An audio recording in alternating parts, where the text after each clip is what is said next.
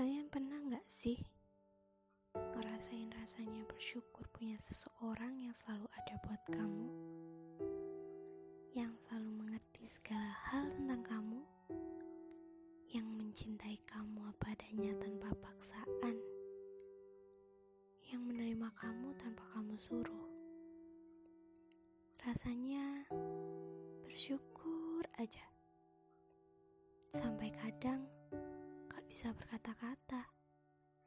Kayak rencana Tuhan untuk menemukan orang yang tepat itu gak pernah salah.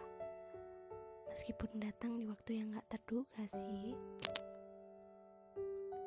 Seseorang itu adalah seseorang yang menggenggam tanganmu sangat erat tanpa melukainya. Yang memelukmu tetapi masih bisa membuatmu bernafas. Yang mengelus kepalamu tanpa kamu merasakan sakit.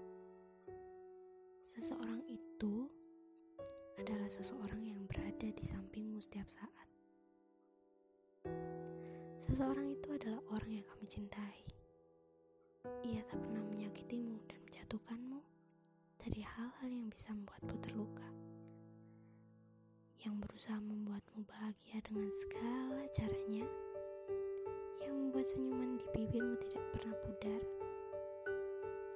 yang mengusap air matamu